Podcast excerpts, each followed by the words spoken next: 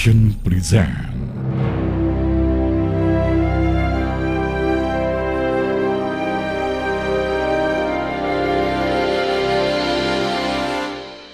Assalamualaikum warahmatullahi wabarakatuh. Halo adik-adik, apa kabarnya hari ini? Saat ini kita sudah memasuki bulan suci Ramadan. Itu tandanya kita seluruh umat muslim wajib menjalankan ibadah puasa Semoga selalu diberi kelancaran dalam berpuasa ya adik-adik Kali ini Kak Yaya ingin bercerita tentang kisah-kisah islami yang tentunya patut kita teladani ya Dan selain itu kita bisa ambil hikmahnya kalau begitu, Kak Yaya mulai saja ya adik-adik ceritanya. Jadi selamat mendengarkan ya. Pada suatu hari, Nabi Sulaiman alaihissalam dan pasukannya melakukan sebuah perjalanan dan melewati sebuah lembah.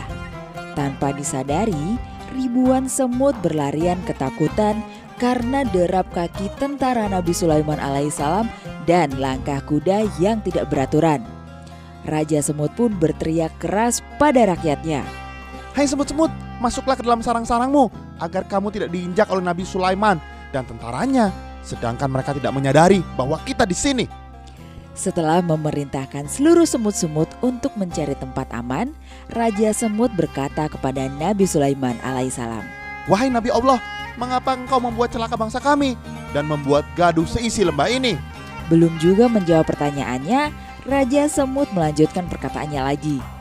Apakah kamu lupa bahwa pada hari kiamat nanti kamu akan berdiri di hadapan Allah yang maha adil dan maha mengetahui tentang apa yang dilakukannya hari ini? Mendengar hal tersebut, Nabi Sulaiman alaihissalam terkejut, kemudian menyampaikan maafnya pada Raja Semut.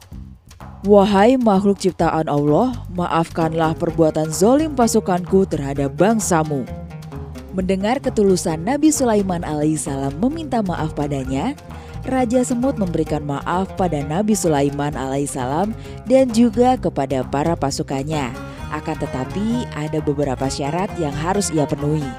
Aku akan memaafkanmu, tapi dengan syarat. Pertama, cintai semua makhluk hidup dan tak terkecuali juga bangsaku. Kedua, taklukkanlah negeri Sabah dan Islamkanlah mereka. Karena selama ini mereka menjadi penyembah matahari. Mendengar persyaratan yang diberikan oleh Raja Semut, Nabi Sulaiman alaihissalam tertawa. Insya Allah semua persyaratanmu akan kupenuhi, wahai Raja Semut. Jika memang begitu, tentu aku dengan ikhlas memaafkanmu. Adik-adik, sesama makhluk hidup, kita wajib saling menjaga ya. Karena keseimbangan bumi itu ada pada seluruh makhluk hidup yang ada di muka bumi ini. Baiklah adik-adik, sampai di sini dulu ya. Nantikan kisah-kisah lainnya di podcast Cerita Nabi dan Rasul. Sekarang Kak Yaya pamit undur diri dulu. Insya Allah kita akan bertemu kembali.